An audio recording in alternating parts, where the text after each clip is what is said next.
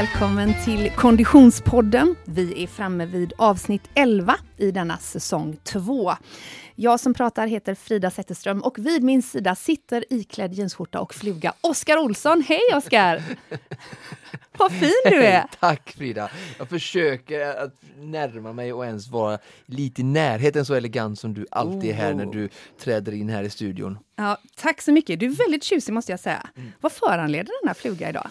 Nej, feeling, tisdag, oh, dagen till ära, poddinspelning. Älskar detta, mm. fantastiskt. Mm. Trevligt besök har vi också i studion så då får man ju lägga Exakt. manken till. Du har klätt upp dig lite för vår gäst, det gillar jag verkligen. Vi ska presentera gästen alldeles strax. Eh, dagens ämne på detta avsnitt nummer 11 är alltså löpteknik och löpstyrka. Eh, men innan vi ger oss i kast med eh, detta ämne så ska vi nämna att eh, Konditionspodden givetvis har sponsorer.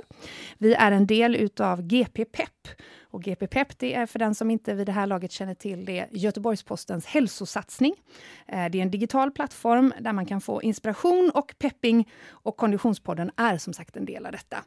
Eh, och vår andra sponsor är såklart O23 Konditionscenter. Kolla gärna in på o23.se.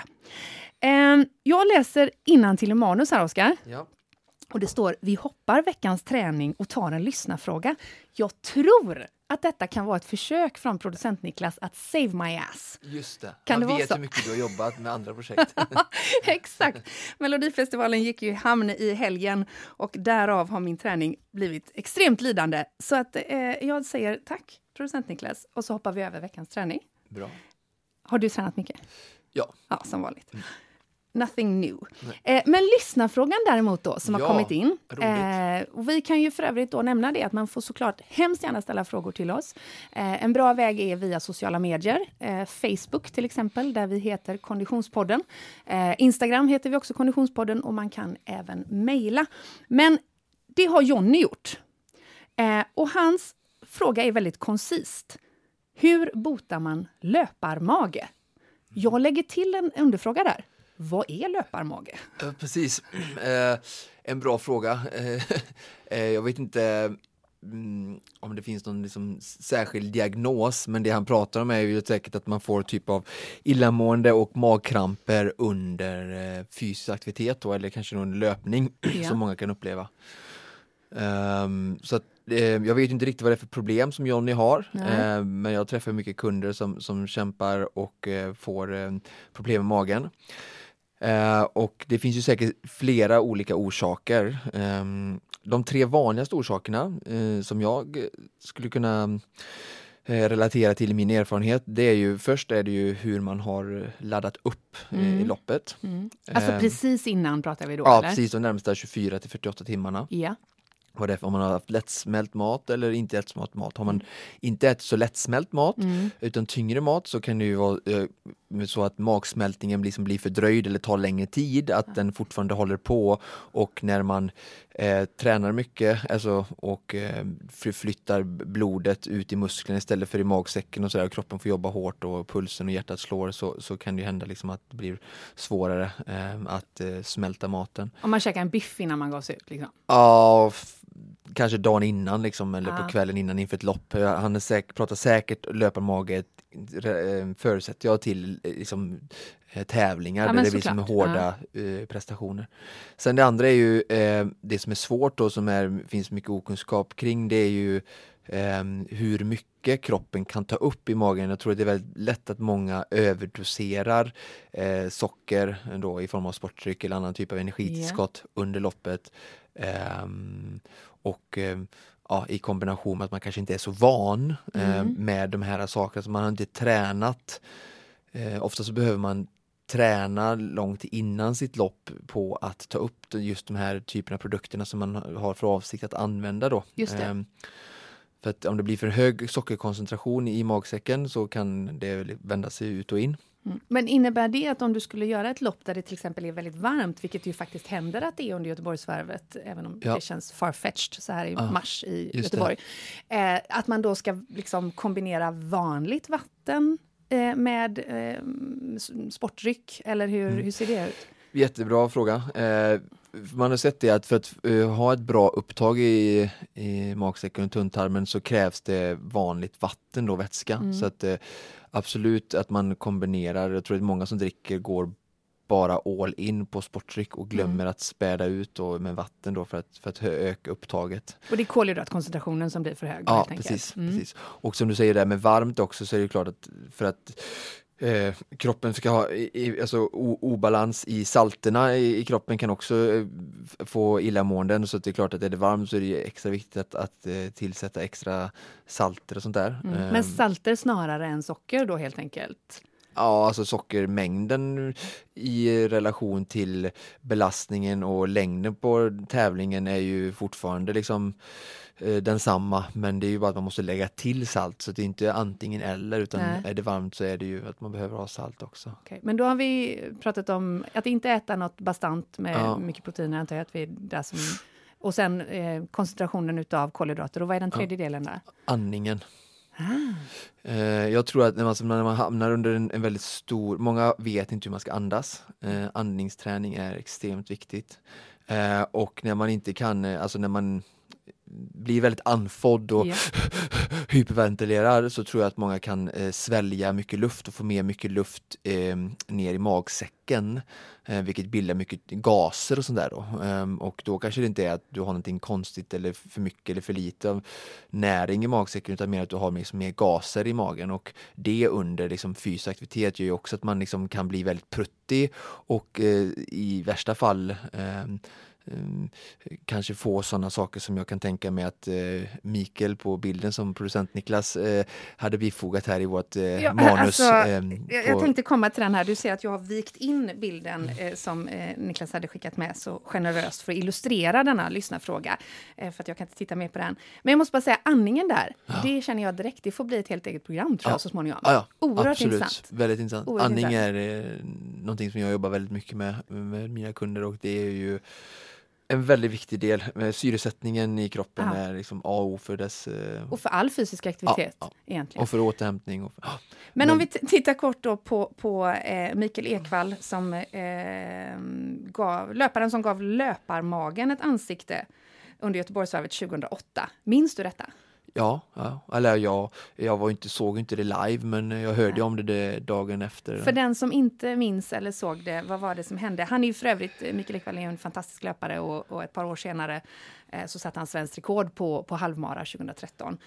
Um, ja, Sveriges bästa långdistanslöpare får man ju säga. Eh, jo, nej, han eh, fick problem med magen ja. och eh, Eh, en, en bra bit in i loppet och um, sket på sig helt enkelt. Så att, uh, ja, och det grövsta men, verkligen? Ja, fortsatte liksom. Men det, precis, det är ju så att man har problem med magen i, under aktivitet som jag sa så det blir som diarré. Ah. Uh, så att det rinner ju ner på benet och sådär på bilden och uh, men han fortsätter i mål och gick i mål på 1.09 tror jag. så att det var ju ändå en fin tid och en bra prestation med, ah. trots missödet. Jobbigt att krama om honom där bara efteråt känner jag. Just det. Ja, men är det, snacka om att vara dedikerad. Ja. Verkligen. Men, men Jonnys fråga alltså hur man botar löparmage. Tre olika aspekter att väga in. Vilket skulle du säga är det vanligaste att man har okunskap kring? För maten tänker jag ändå att är man liksom en, en, en eh, motionär på hög nivå eller alltså att man tränar mycket så tänker jag att det är någonting som man har gått igenom. Nej. Tror du inte det? Nej, jag tror så här. Jag tror att många tänker tävling. Ja. Eh, och så tänker man så här, så går de ut på kvällen ute, de är någonstans på en annan ort eller någonting. Ja. Och så går de ut på restaurang de har inte en aning vad det är för restaurang och så unnar de citationstecken någonting eller tänker att nu ska vi ladda här för energi imorgon. Mm. Och så eh, tar de någon liksom brakmåltid. Jag tror inte folk tänker att jag ska äta lite nu och jag ska äta snäll som kanske eh, kyckling, vegetariskt, eh, fisk, eh, vitfisk eh, och sånt som är lättsmält för magen. Jag tror inte motionären tänker så. Det är sant alltså. Mm. Jag, jag, vill hänvisa till det Konditionspodden-avsnitt där vi pratar loss din kost. Ja. Eh, jag kommer tyvärr inte ihåg exakt vilket eh, nummer det var i, i, dagsläget, men det ligger någonstans kring nummer fem, tror jag, eller något liknande i andra ah. säsongen. Loss din kost, där du eh, går eh, crazy bananas på att prata just eh, eh, om mat. Men där vi också faktiskt lovade, och det har vi inte riktigt hållit ännu, Oskar, vi ska återkomma med mer prestationshöjande kost. Ja. För att, att, vara träningsspecifikt. Men okej, okay, det, det är lika illa tänker du med alla tre delarna? Ja, och sen en sista del som kanske också är så här eh, kanske våra lyssnare kan uppleva som flummig och, och uh, lite abstrakt uh, men uh, magnerver är mm någonting som jag tror är också väldigt påverkar våra mage väldigt mycket. Okay. Um, och det kommer ju i första hand ifrån nervositet inför en prestation. Just det. Um, och vi, jag tror att vi kanske kan säga att tycka att nervositet är någonting som påverkar oss, tänker vi. Mm. Och det är inte alltid positivt men om man tänker hur det kan eh, kännas i, i själen, i, i, i huvudet så tycker jag att det kan ju även som sprida sig ner i magen. Absolut. Eh, så att, eh, att och alltså, magnerver kan också oftast komma från prestationskrav. Just det. Eh, bara relatera till mig själv och tidigare upplevelser. Så att ha positiva tankar, positiva energier, ett, um, ha högsatta mål men ändå eh, ta ner förväntningar på sig själv. Um, och också kunskap om sin egen kropp kanske. Hur, hur, kroppen reagerar. Och, alltså, vi är ju olika benägna att få problem eller eh, reaktioner i magen eller i huvudet eller i ryggen. Ja. Eh, och vet man med sig att man är en person som, som blir lätt dålig i magen så kanske man får vara extra vaksam helt enkelt. För där är vi ju helt enkelt olika. Okej, tack för svaren Oskar. Hoppas att du Jonny känner att du har fått eh, eh, lite att gå på. I sedvanlig ordning kanske du lägger ut även de här tre eh, punkterna? Det kan jag absolut göra jag. på eh, vår Facebookgrupp och eh, fortsätt gärna diskussionen där ifall det finns följdfrågor. Precis. Konditionspodden heter vi alltså på sociala medier. Väldigt enkelt. Och vi säger hej och välkommen till eh, dagens gäst. Jag sa ju att ämnet var löpteknik och löpstyrka och av den anledningen har vi bjudit hit Moa Kardemark. Hej Moa! Hallå, hallå! Hur är läget? Jo, men det är bra. Det går ju inte att inte börja med att fråga dig om du har varit utsatt för löparmage någon gång. Ja, men eller hur? Nu har jag ju den turen att jag är född och uppvuxen i Västerbotten, så jag åkte ju längdskidor Aha. som yngre och har gjort mycket. Och det har hjälpt dig med löparmagen? Ja, Eller? jag tror det, för jag vande in mig ganska mycket. Alltså, skidåkning är ju inte alla de här stötarna och sådär som, som löpning är. Ah. Eh, jag inbillar mig att det har att hjälpt. Det så när jag väl började springa så hade jag ju redan konditionen. Liksom. Just så att, Ja. Okej, okay, grymt. Så jag har klarat mig bra. Du har klarat ja. dig från detta, härligt. Mm. Eh, du Moa, du är en av coacherna, en av de två som vi ser i eh, webb-tv-serien Musse hack i häl, mm. eh, som ju är en kollega till oss på Konditionspodden på GP Pep. Berätta kort, vad är Musse hack i häl för någonting?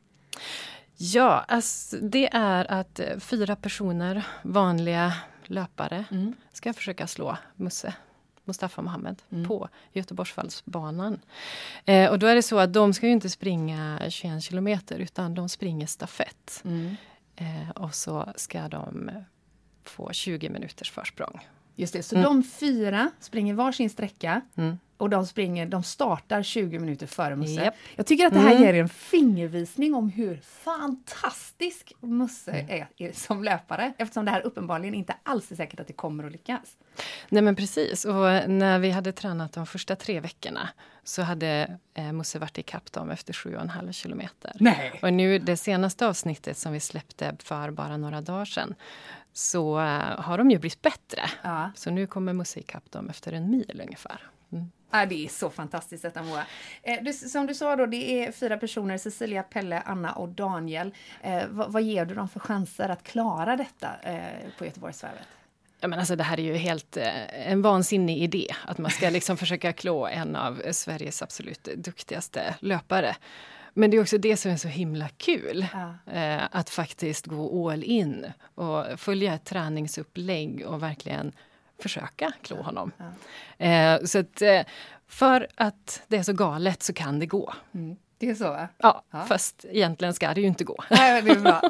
Men du, eh, anledningen till att du är en del i det här projektet är ju för att du, du jobbar eh, eh med löpning helt enkelt. Och i det här fallet som coach. Eh, hur skulle du säga, att, hur ser din filosofi kring löpträning ut? Ja, Eh, generellt sett eh, kring träning, jag jobbar ju mycket med fysträningen som grund för mm. löpträning också. Men träning överhuvudtaget för mig är en upptäcktsfärd. Alltså det är en del av livet. Eh, att det ska vara... Alltså det finns ju både träning i huvudet och hur man upplever saker och hur man planerar saker och de tankar som uppkommer. Eh, men också det här som händer i kroppen. Mm. Hur kroppen förändras över tid och olika träning och sådana saker. Så att om man blir starkare och stabilare så kommer löpningen att kännas och upplevas annorlunda. Och löpning eller träning överlag är ju också de här sakerna som, jag menar, nu kommer våren, vårsolen värmer lite grann, snart i alla fall, hoppas vi. lite fågelkvitter och sådana saker. Ja. Så att man upplever ju, man lever livet och träningen är en del av det. Det, alltså, det är ett citat som du skulle kunna kläcka ur dig, Oskar. Eller hur? Ja. Men det må eh, för den lyssnare som inte eh, känner dig utan och innan, hur ser din egen träningsbakgrund ut?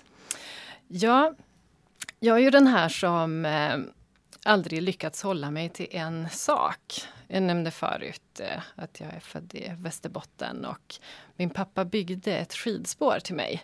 Så att jag fick ett eget eh, skidspår. Det var både klassiskt och eh, skating och elljus. I Norrland är elljus bra okay, på, på vintern. Just det, just det. Ja, det är ganska mörkt annars. Ja. Eh, så jag åkte mycket skidor och sen byggde han också en hockeyrink. så att, så som jag växte upp så trodde jag att alla barn hade tillgång till sådana här saker. Vad var hans grund i det? Det är helt fantastiskt, vilket engagemang.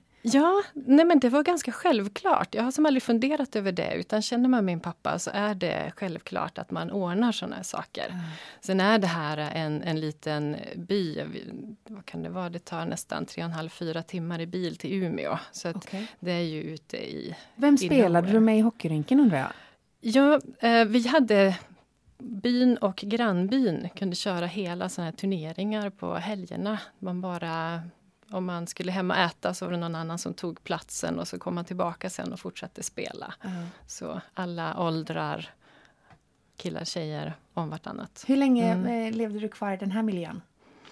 Eh, jag flyttade hemifrån för att gå gymnasiet. Mm.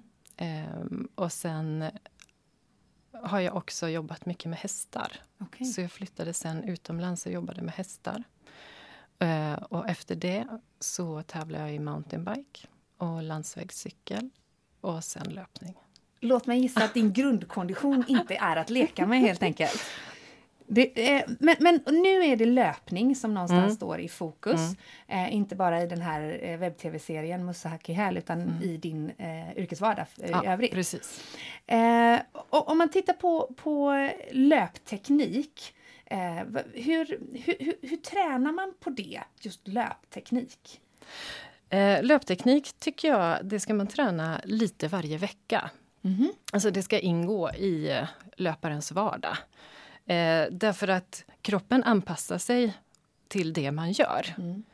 Och om man då gör lite varje vecka så kommer kroppen gradvis att utveckla och förbättra och anpassa sig, både styrka och eh, om man tänker nervsystemet ska ju hinna med och koppla in rätt muskler och fötterna ska svara mot underlaget och mycket sådana saker. Eh, så att löpteknik ska man lägga in som en del i uppvärmningen. Jo, men, mm. men jag tänker, hur, hur, hur gör man då? Alltså jag, tänk, jag tänker att jag har ändå någon form av eh, koll på träning, men just löp, alltså höger, vänster, höger, vänster, höger, vänster. mm. Ja, men, ja, det finns ju en hel del klassiska löpskolningsövningar. Yeah. Och det kan man ju googla på. Mm. sådär. Men eh, en av de mest kända och en av de allra bästa det är ju skipping eller höga knän. Mm. Där man eh, långsamt rör sig framåt med en ganska extremt eh, upprätthållning och väldigt höga lyft. Yeah. Och varför gör man det? Det gör man för att bli bättre på själva löpsteget. Så dels måste man ju engagera kroppen kraftigare. Alla muskler måste ju verkligen sträcka upp sig. Eh, och sen så blir man starkare i det här lyftet. Och det sker ju faktiskt väldigt mycket från höften och bålen. Det här mm. lyftet av benen. Eh, Medan om man springer långsammare så är risken att man har fötterna ganska nära marken hela tiden och då blir man liksom inte starkare i att komma upp från marken. Just det. det är helt logiskt när du säger det. Mm. Oskar, hur mycket löpteknik eh, tränar du i, din, eh, i ditt eh, digra träningsschema? Nej, jag försöker lägga in det nästan varje vecka i alla fall som Moa säger, att ha med det i, i slutet eh, på träningspass. Mm. Särskilt eh, försöker jag att ibland göra det i slutet av mina långpass också eh, för att öva på att försöka hålla tekniken när jag är trött. Just det, för då kanske man har kommit in i någon form av slentrian-tänkande här. Precis. Okej. Okay. Mm. Ja. Eh, om, om, man lyssnar på detta och är en, eh, en motionär eller en eh, konditionsutövare som tänker Göteborgsvarvet, eh, det är min grej. Jag har satt min, min eh, träningsmängd, jag har gjort mitt schema förklar, såklart, för man har lyssnat på Oskar genom åren och då vet man att scheman är, är hela hemligheten. Eh, hur mycket skulle du säga, jag förstår att det är en svår fråga, men hur mycket skulle du säga att man kan förbättra sin sluttid bara genom att bli bättre på tekniken? Om man behåller den träningsmängden man hade satt och man har den konditionen man har, eh, hur mycket kan man liksom bli bättre bara för att tekniken utövar, liksom utvecklas? Mm. Jättesvår fråga. Ja. eh, det där är ju väldigt, väldigt individuellt. Eh, vissa... Hur kass man var från början. Nej, men också skillnad från person till person. Mm. Eh, jag har varit med om personer som har jättesnabbt bara gått från klarhet till klarhet, förändrat tekniken och plötsligt springer ganska mycket snabbare. Mm. Alltså kanske tio minuters skillnad på, mm. på Göteborgsvarvet. Men sen är det också en hel del personer som liksom får verkligen anstränga sig och gneta för varenda liten skillnad i tekniken och varenda liten sekund. Mm. Um, och precis vad som gör den skillnaden, det, det vet jag inte. Eh, men sen tycker jag nog att man också kan ha ett litet annat perspektiv på det. För att om man förbättrar sin löpteknik, även om man inte kanske förbättrar precis tiden på det här Göteborgsvarvet, så kanske man håller sig skadefri ja. på nästa Göteborgsvarv och nästa och nästa. Alltså man håller längre. Mm, mm. Eh, och det är ju också en fördel. Mm. Eh, att man kanske har en bättre tid på Göteborgsvarvet om 20 år mm. jämfört med... Om 20 år? Ja, wow, precis. Det, det var ett långt ja, perspektiv. Ja, ja, men jag tycker att man kan ha ja. de perspektiven. Ja, och kanske hålla mm. så friska knän och sånt. Ja, men jag. precis. Ja. Friska knän, friska höfter. Mm. Man eh, kommer ju att åldras, men man kan i alla fall utveckla den löpning som så även om man kanske inte alltid kommer att kunna förbättra sina tider så kan man ändå känna att man springer bra och springer bättre mm. och bättre. Mm. Hur påverkas liksom löptekniken och löpsteget utav vilka skor man sätter på, på, på fötterna? Alltså utav liksom den, den tekniska tillgången som man har eller den mm. utrustning man har. Eh, det går ju en del eh, trender i skor. Ja, barfotalöpare ja, och annat. Ja, men precis, precis. Och jag tycker nog att, att man ska tänka sig för lite grann och titta på vad man har för träningsbakgrund. Ja. Liksom, eh, fötterna är, precis som resten av kroppen, någonting som behöver tränas. Mm. Eh, och har man fullt uppbyggda skor och ganska tunga skor så är det klart att då tränas inte fötterna lika mycket som resten av kroppen som är ute och springer. För då får den mer support? Ja, liksom, precis. Mm. Men om man går direkt från tjocka skor och kanske inte har sprungit så mycket till barfota skor. Då finns ju risken att man belastar för snabbt för mycket. Ja. Och eh, det kan man ju få skador av också. Mm. Vad föredrar sen, du personligen att springa i? Jag föredrar den här mellanklassen, ganska lätta för att man får som vi pratade om där med, med löpskolning så vill man ju få ett lyft uppåt. Och har man lätta skor så är det ju lättare att lyfta uppåt. Man Just blir inte nertyngd lika mycket. Men ändå viss support. Jag sa det att jag kommer ifrån skidåkning och har tävlat cykel och sådär. Så mina fötter är inte jättestarka. Eh, så att jag klarar inte av att springa i allt för tunna skor. Nej. Men jag vill ha lätta och det ska inte, jag vill ha bra känsla. Det är roligare att springa om man känner vad man känner, springer. Ja. Hur många par löparskor, Oskar, har du i, i garderoben? Över 20. som fortfarande är aktuella alltså? Ja. Och vad är det som gör... Jag antar att det inte är så här, idag känner jag för rosa. Det är inte den grejen? Nej, som inte avgör. riktigt samma äh.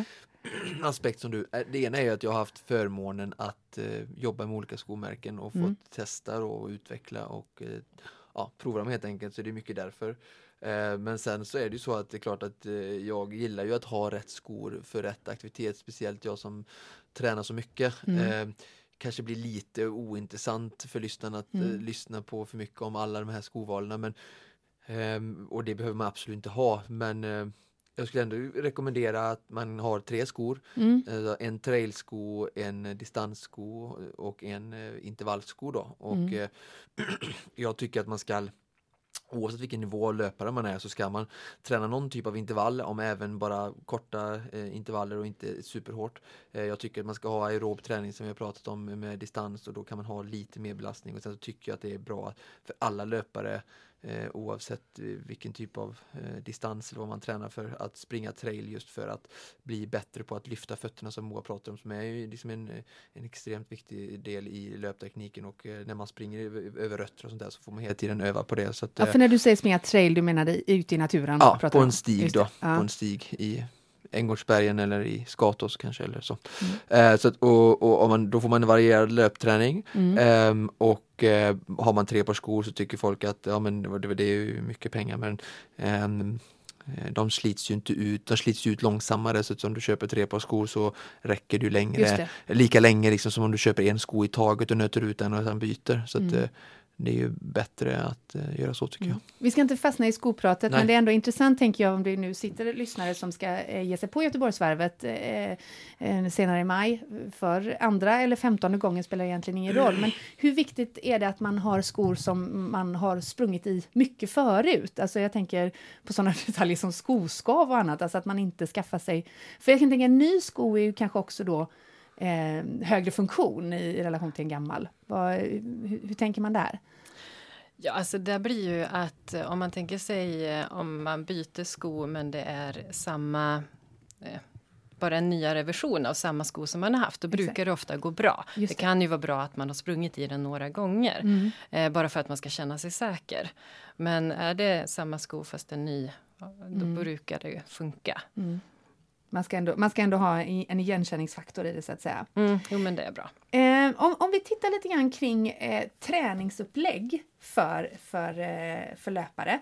Vad, hur känner du eh, Moa, om du skulle få en, en, en motionär som nu ska ge sig på eh, Göteborgsvarvet. Vad rekommenderar du för träningsupplägg för, för en sån person? Mm. Det är ju viktigt att titta på liksom, hur ser eh, livet ut mm. i stort. Liksom, hur, hur många pass eh, i veckan kan man få till? Eh, för jag är ju fortfarande lite grann inne på det här 20-årsperspektivet. Eh, att mm. Eh, om man tar på sig vatten, om det blir vatten över huvudet. Mm. Då är ju risken att man tränar jättemycket och sen så känner man att träningen äger mitt liv, jag ryms inte och sen slutar man Eh, det är bättre att man från början tittar på liksom, ja, men hur ser verkligheten ut. Mm.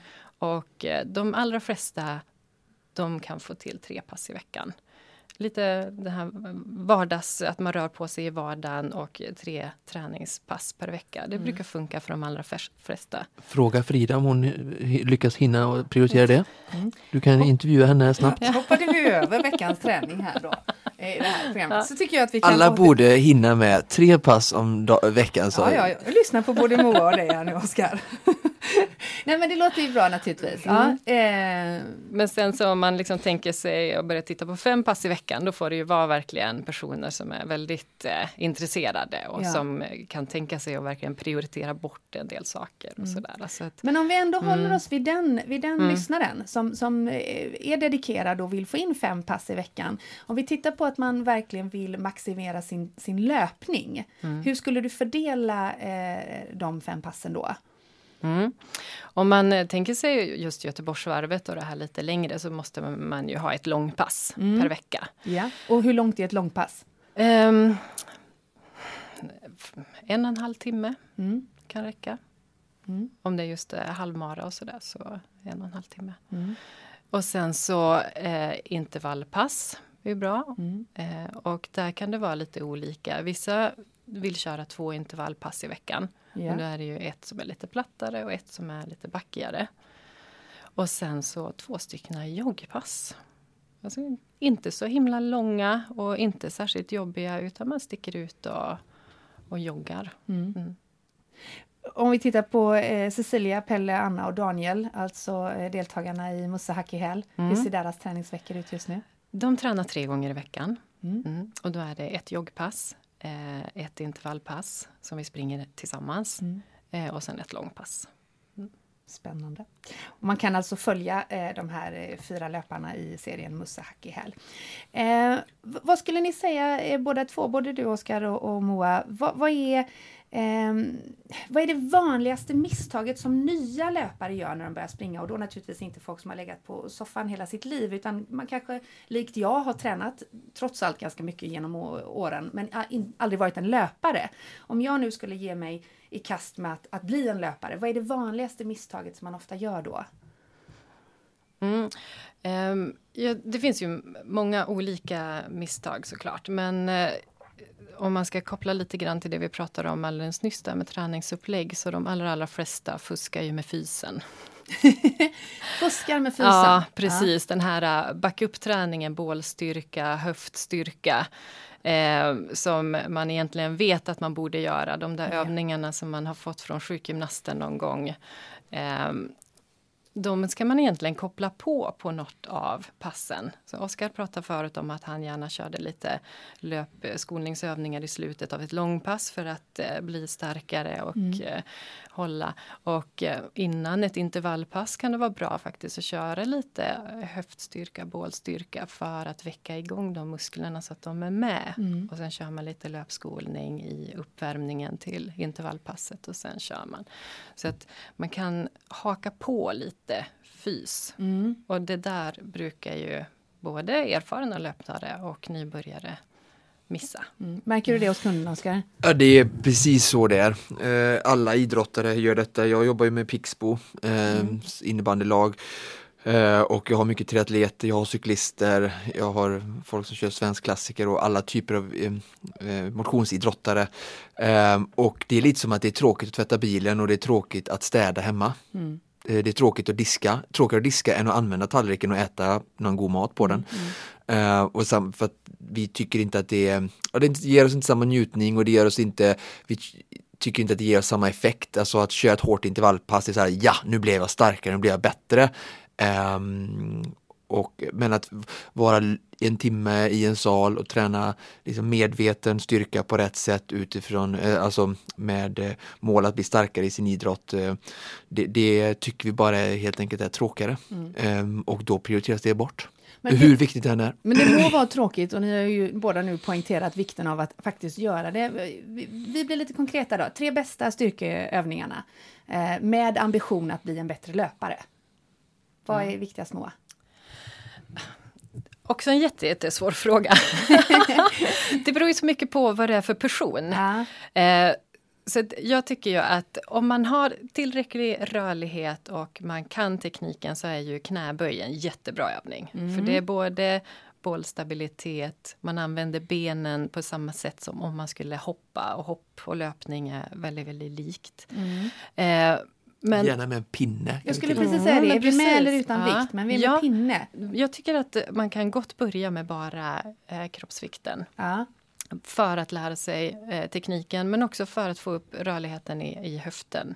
Så att man kan göra korrekt. För om man är för stel i höften då tar man ut rörelse för mycket i knäna. Mm. Och om mm. man då har vikt på det så mm. då, då kommer man ju att kunna orsaka en skada istället för att bli starkare och bättre. Mm. Så att där kanske man får börja använda knäböj då som en rörlighetsövning. Mm. Eh, och sen så småningom gå vidare till en styrkeövning. Mm. Och vad pratar vi i antal upprepningar och så för att det här ska liksom ge effekt? Där alldeles från början, då handlar det ju om, precis som i delar av världen, att sitta på huk. Mm. Tio minuter om dagen kanske, till och med. Mm. mm. Man kan borsta tänderna. Sittandes på huk. Sittandes på huk. Ja jättebra för rörligheten i både fotleder och höfter. Mm. Exakt. Okay. Jag sitter så och äter i Nepal bland annat. Mm. mm. Eller hur? Jag tyckte så att jag sitter så och äter i Nepal. Tänkte, när är du där? Mm. Ja men det är klart, ja men självklart, det ser vi ju naturligtvis i, i stora delar av världen att mm. eh, vi västerlänningar är ju bland de stelaste i detta sammanhang. Eh, Okej, okay, det är den första, knäböjen. Mm. mm. Vad har vi nummer två då? Och sen tycker jag nog de här eh, höftstyrka, bålstyrkeövningarna som man har fått en gång av sjukgymnast men som man har slutat göra, de ska man damma av och mm. börja använda igen. Mm. Det är till exempel musslan. M musslan? Mm. Man ligger på sidan eh, med böjda ben eh, och trycker knäna bort från varann och sen ihop igen. Ah, mm, mm. Just det. Ja. Träna sätesmuskler. Precis. Just det. Ja. Mm. Den typen av, av övningar. Just det. Eh, jätte, jättebra. För då, då är Mm. vi inne på sätesmuskler uppe Ja. i ryggen då, antar jag. Ja, precis. Musslan, Utsida höft. Ja. utsida höft, Mm. eh, knäböj och mussla. Och, Mm. eh, Och sen är det olika bål-core-övningar. ja. Ja. Är vi på klassiska sit-ups? Eller är vi på... Just sit-ups är väl inte jättebra, men, men den typen av, av bålövningar. Det Mm. finns eh, det som heter dead bug eller död skalbagge. När man ligger på rygg och med böjda ben, benen lyfta. Mm. Eh, Ungefär som att man har vält av en stol och hamnat på rygg. Varje gång det har Ja, hänt. Eller hur? Eh, och då ska man alltså kunna hålla ryggen rak. Man ska kunna, det ska inte Vi bli pratar några om benen i luftbubblor. 90 grader, Ja, precis, Mm. precis. Eh, och ryggen ska, man ska kunna alltså platta ut ryggen helt mot golvet. Mm. Så att det inte är kvar någon svank. Ja, det ska inte vara kvar luft mellan skulderbladen eller under skulderbladen. Utan man ska kunna platta till ryggen Full helt. kontakt där. Ja, full Mm. kontakt. För det är den hållningen, alltså man, kroppen blir bra på det man gör. Ja. Och om man tränar bålstabilitet i en annan hållning än vad man vill ha när man springer, då Mm. kommer man ändå inte ha särskilt stor nytta av det. Utan vi vill ju kunna springa med bra hållning Mm. för att få en bra löpteknik. Jag menar, då är det ju den hållningen som vi vill bli starka och stabila i. Mm. Så då är det ju det vi ska härma då när man kör sina bålövningar. Just det. Mm. Har du något att tillägga, Oskar, på de här tre övningarna? Eh, död skalbagge, eh, musslan och knäböj?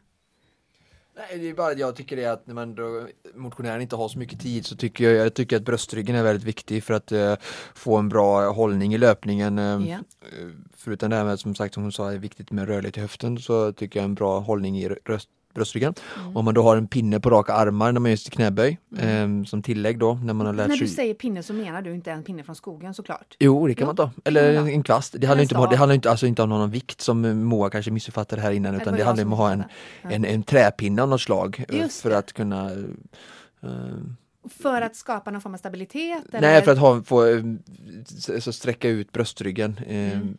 eh, Så att om du håller den på raka armar och går ner i ett knäböj så kommer du känna att du utmanar rörligheten i bröstryggen väldigt tydligt. Mm. Okej.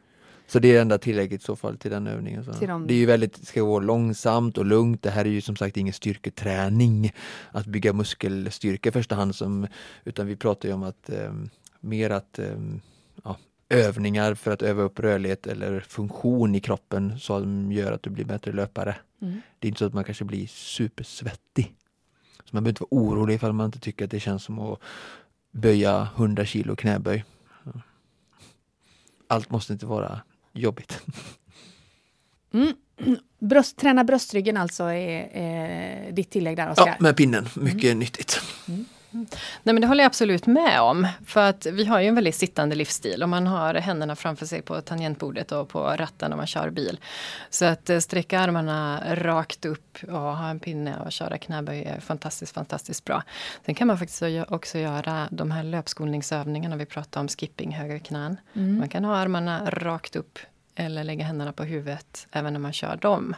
Och huvudfokuset för det är alltså för att träna hållning? Ja, precis. Och bröstryggen är en jätteviktig del av hållningen. Är man stel i bröstryggen så då kan man inte vara upprätt. Nej. Mm. Och visst är det också så att det ökar någon form av så här, inte vet jag, blodcirkulation eller syretillgång i kroppen? För det vet jag att jag är Ja, gammal men gymnast och det fick man alltid höra. Ja. Man slutkörd så fick man inte falla ihop, då skulle man sträcka upp. Ja. Nu är hållningen en rätt viktig del i gymnastiken så det kanske var därför. Men Nej, men det är ju också om man tänker sig att man är stel och eh, sjunker ihop och, och eh, axlarna ramlar framåt. Så då kommer man ju också att, att låsa själva andningen. Alltså det är ju inte bara att man blir stel och får sämre blodcirkulation. Så kommer man ju också helt enkelt att andas sämre. just. Eh, och just vad det gäller eh, slutet av Göteborgsvarvet. Om man tänker sig att man då blir trött och säckar ihop. Eller om man orkar vara kvar uppe och upprätt. Så betyder ju också det att ja, alltså om man sjunker ihop så kommer man att titta ner i asfalten. Ja. Eh, och om man kan räta upp sig och öppna upp bröstet. Så då lyfter man blicken och man kan ta in alla som hejar. Och, eh, hjärnan är ju också en viktig del. Och eh, man vet det att om man eh, sjunker ihop och axlarna faller fram. Det är ju en typisk pose när man är ledsen. Ja. Så att man blir lite mera inbunden och ledsen jämfört med om axlarna öppnar upp, bröstet öppnar upp. Eh, och då kommer det gärna ett leende också. Mm. Så det, den hållningen i slutet av Göteborgsvarvet kommer ju att göra att själva löpupplevelsen blir mycket, mycket trevligare, mycket roligare. Exakt. Mm. Det är så många... lång utläggning men Nej, jag kom fram till slut. Det är många intressanta aspekter i det där, verkligen. Mm. Um, jag förstår att den här frågan är, är, är, svår att svara på, om inte ens till, kanske till och med omöjlig. Men går det att säga vilken som är den effektivaste löpstilen? Mm. Um den löpstilen som är absolut effektivast, det är ju den som man faktiskt utför och gör. Just det, precis. Ja. Att springa överhuvudtaget. Ja, eller hur? Ja. Visst. Eh, sen är det ju, det går ju jättemycket. Just nu är det ju en fluga att man ska springa barfota och springa naturligt. Mm. Alltså eh, de här skorna som ser ut som fingervantar? Ja, precis. Ja. Och även det finns ju olika varianter på dem. Eh, och då ska man ju springa lite mer på framfoten. Så just eh, mm. framfotalöpning är det ju många som försöker öva på. Mm. Eh, och det är faktiskt så att om man är stel i höften och sen så får man ett tips någonstans ifrån att man ska springa på framfoten eh, och sen så övergår man att springa från hälen till framfot utan att göra några andra förändringar. Ja. Då kan man ju få ont, eh, många få ont i vaderna till exempel Exakt. av att göra den förändringen. Medan om man förbättrar rörligheten i bröstryggen och höften och så övar man på de här löpteknikövningarna vi har pratat om och man blir starkare så kommer man att förändra sin löpteknik. Just det. Och man kommer att gå lite mer från häl till lite mera framfot. Det sker naturligt? Ja, mm. men precis hur mycket man vill förändra, det, det kommer att vara individuellt. Mm. Oskar, utav de här, eh, vad sa du, 20-30 par skorna eh, i, i garderoben, har du några sådana barfota-varianter? Nej, absolut inte. Du jobbar inte med det? Nej. Nej. Eh, jag tycker, jag, Moa var inne på det lite förut. Eh, det är väldigt viktigt att träna sina fötter. Mm. Eh, och man kan göra det på så många sätt. Att göra dem starkare än att springa eh, barfota med sådana barfota, barfota skor. jag skulle hellre se att man kör, man kan springa 10 till 15 minuter eller bygga upp från 4 minuter löpning på gräsmattan. springa runt, runt på när sonen eller dottern har fotbollsträning till exempel. Och sen köra såklart styrka med fötterna eh, på gymmet och sen eh, kanske gå barfota på klipporna och sådär. Eh, mm. Belastningen blir ganska lagom då upplever jag för, för gemene man. Ehm, jag tror inte, utan att säga för mycket, att det finns jättemånga motionärer som är tillräckligt starka för att göra några längre distanser i barfotaskor. Ehm, jag ser bara att ehm, att de, de blir trötta, eh, faller igenom i steget och ja, jag är inte alls för det. Ja. Eh, du sa Moa att det här är, det går en trend i detta, eller det här är populärt just nu med det. Eh, hur ser liksom synen eller kunskapsnivån ut hos allmänheten kring löpteknik och styrka eller utrustning? Vad, vad, vad skulle du säga, vad möter du där ute? Ja, alltså jag tycker, jag är imponerad över hur eh, kunniga människor är. Mm. Eh, och just löpning är ju någonting som folk gärna grottar in sig på och liksom verkligen gräver ner sig i. Eh, men sen är det då liksom att det här med eh, att det finns forskning kring att springa naturligt, mm. Eh, till exempel. Jag upplever att generellt sett så är personer, jag menar det blir som lite fragmenterat eller att man har öar av kunskap men man kanske inte alltid har de här sammanhangen. Mm. Eh, att man vill eh, få en starka fötter, eh, man vill springa naturligt och sen så väljer man barfota skor men sen springer man på asfalt mm. istället för att springa ute i blåbärsriset. Som mm. Oskar sa här förut, att det är kanske bättre då att springa på, på gräs eller så. Eh, men man är också väldigt, väldigt kunnig vad det gäller pulszoner, pulsintervaller, eh, syreupptagningsförmåga och så vidare. och så vidare.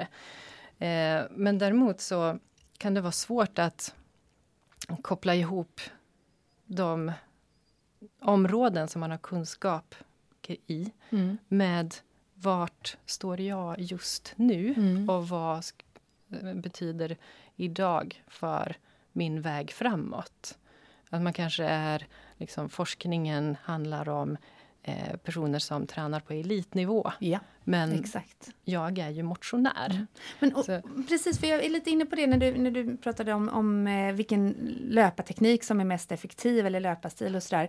Hur, hur gör man då om man nu är en, en, eh, en motionär eller en, en konditionsutövare för att ta reda på vilken löpstil man själv har och vad jag kan själv förbättra med mitt löpstil? Kan man göra det på egen hand eller behöver man söka upp en, en eh, Moa Kardemark eller en Oskar mm.